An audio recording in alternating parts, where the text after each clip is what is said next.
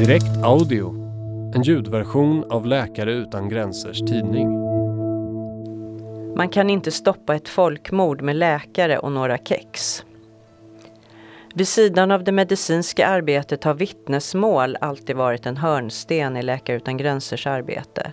En oberoende röst som ekar i tv-soffor och maktens korridorer.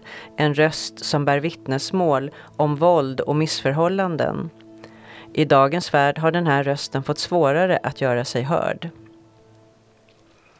Etiopien i mitten på 1980-talet. Svarta rubriker i tidningarna om katastrof och om miljontals människor som riskerar att dö av svält. En våg av sympati väller över världen. Internationella popstjärnor går samman i Band Aid och hemma nynnar vi med i Do They Know It's Christmas och skänker en slant till välgörenhet. Samtidigt, på plats i Etiopien, ser Läkare utan gränsers medarbetare något helt annat. Jo då, läget är akut. Människor dör. Men hjälpen, maten, når inte fram.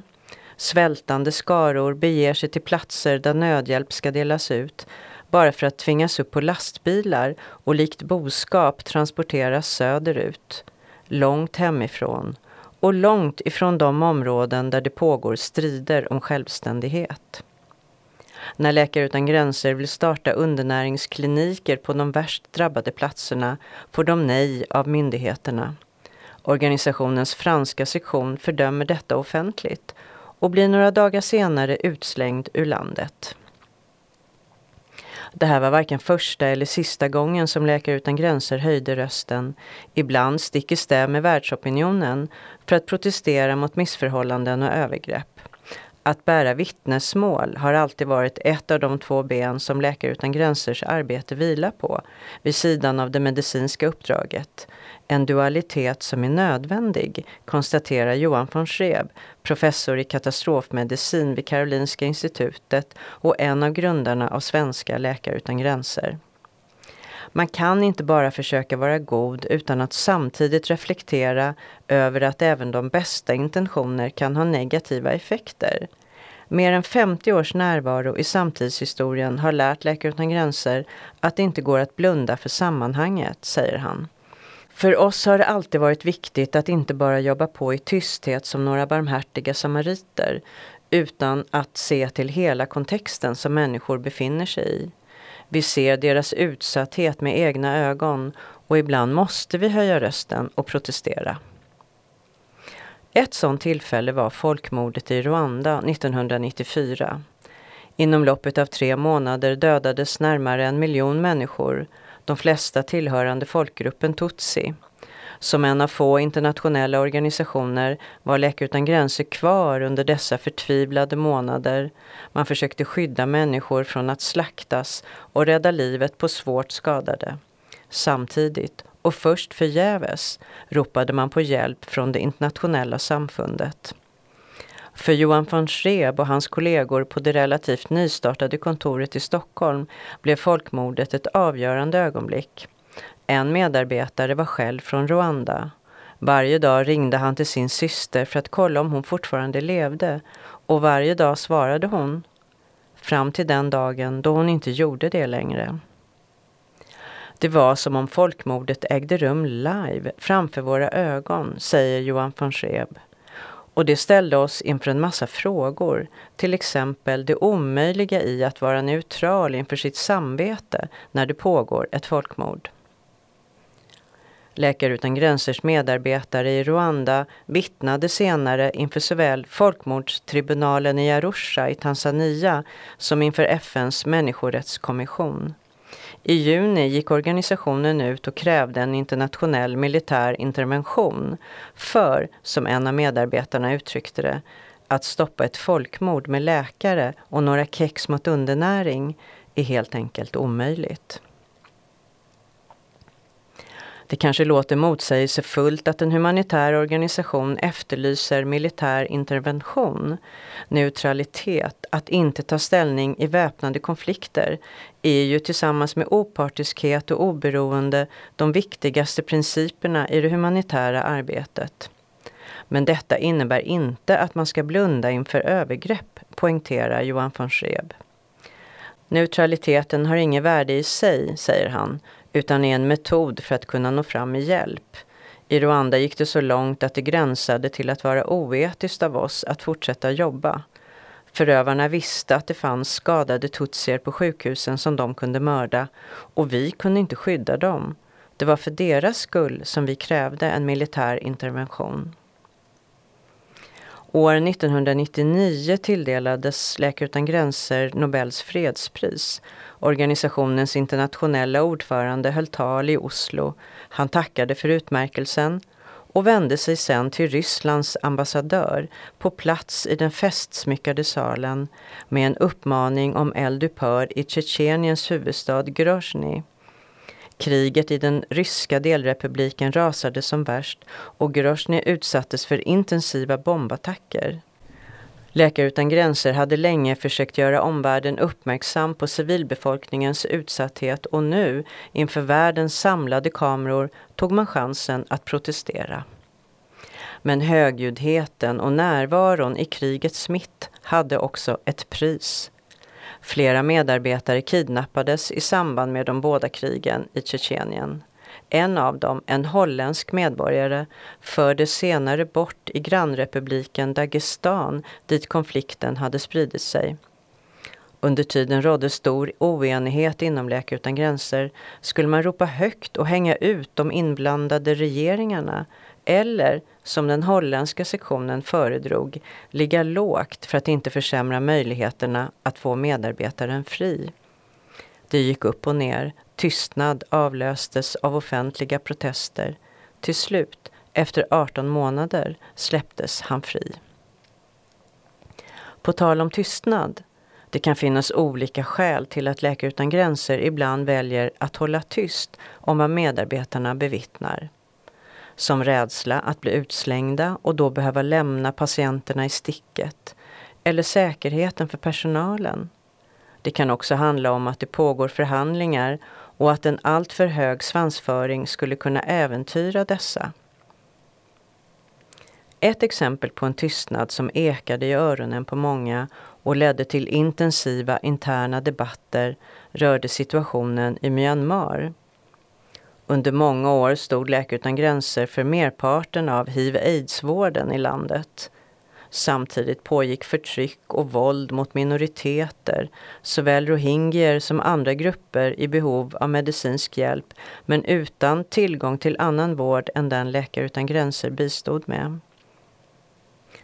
Den här offentliga tystnaden utlöstes av rädslan för att förlora tillträde till patienterna, berättar Laurence Binet som leder projektet Speaking Out Case Studies, eller SOX, vid Läkare utan gränsers franska sektion. Istället arbetade man framförallt bakom stängda dörrar för att lyfta rohingyernas svåra situation med utländska diplomater eller FN-organ. Men det här sättet att jobba i det tysta ifrågasattes inom organisationen, fortsätter hon. Många menade att vi övergav människor som var förföljda när vi inte höjde rösten offentligt, trots att vi hade folk på plats som såg vad de utsattes för. Det ansågs inte etiskt försvarbart. I mer än 20 år har Laurence Binet lett arbetet med att sammanställa och dokumentera hur Läkare utan gränser har valt att höja rösten, eller ej, i samband med stora kriser. I dagsläget består SOX-projektet av 13 fallstudier, vissa på flera hundra sidor, som innehåller utdrag ur intervjuer med medarbetare, ur pressmeddelanden, mötesanteckningar, blandat med korta återberättande stycken. Tanken föddes i slutet på 1990-talet efter ett decennium med stora kriser och interna kontroverser kring när och i sådana fall hur Läkare utan gränser skulle höja rösten om vad de såg, säger Laurence Benet. Vi har fokuserat på kriser där vittnesmålen har inneburit ett dilemma av något slag eller en risk Förhoppningen är att skapa ett dokument som kan hjälpa medarbetare att förstå och ta till sig vad den här delen av vårt arbete innebär, säger hon.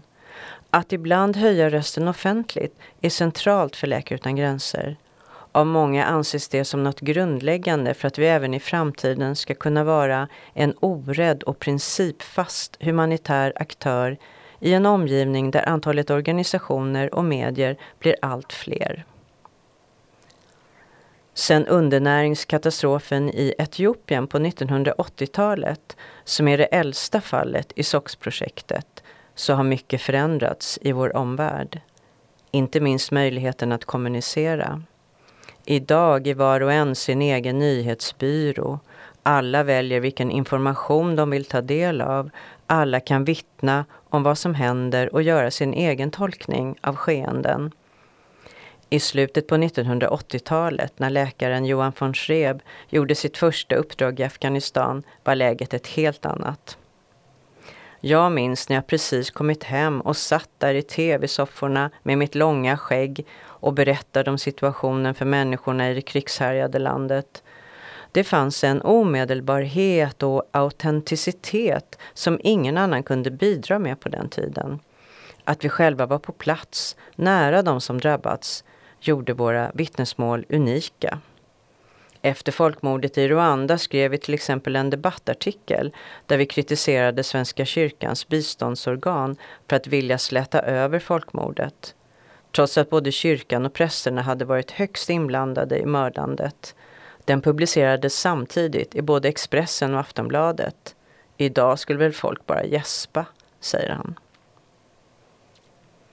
Valérie Michaud är ansvarig för kommunikation och insamling på Läkare utan gränsers huvudkontor i Bryssel.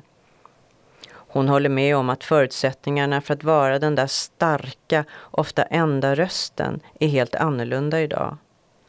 I en tid när minsta tweet flyger över jorden på några sekunder, tolkas och omtolkas lite som mottagaren känner för, händer det att medarbetare drar öronen åt sig, säger hon i alla fall inför tanken på alltför kritisk eller provokativ kommunikation. För ett par år sedan gjorde vi en undersökning som visade att det fanns ett väldigt stort fokus på potentiella risker i samband med kommunikationen, fortsätter hon. Det gällde inte minst de som jobbar i våra projekt som såklart inte vill utsätta patienterna för någonting. Ibland var oron befogad men ofta saknades en ordentlig analys.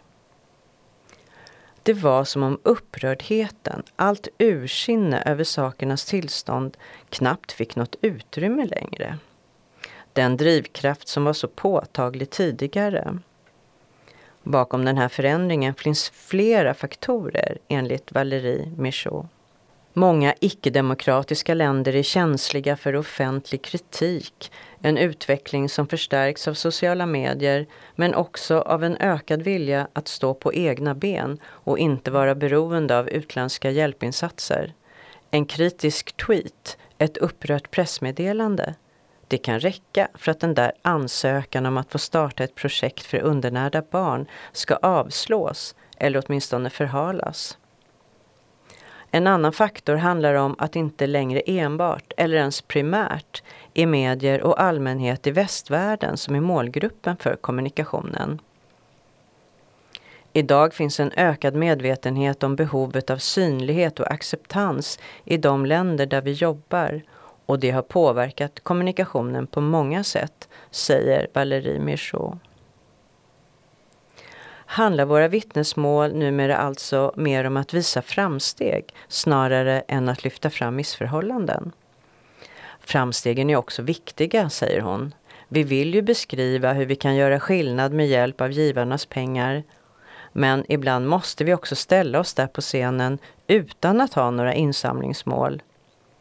Min övertygelse är att om vi vågar ta ställning och berätta vad vi ser kommer det också att vara en anledning för människor att skänka pengar till just Läkare utan gränser. Synlighet för givarnas skull med andra ord. Finns det några andra resultat av att Läkare utan gränser har höjt rösten och protesterat mot sakernas tillstånd? Enligt Laurence Binet på SOX-projektet är det omöjligt att slå fast. Vi kan förstås glädjas om något konkret ändras efter att vi har höjt rösten. Som att vi får tillträde till människor som saknar vård eller att bombningarna eller massakern upphör.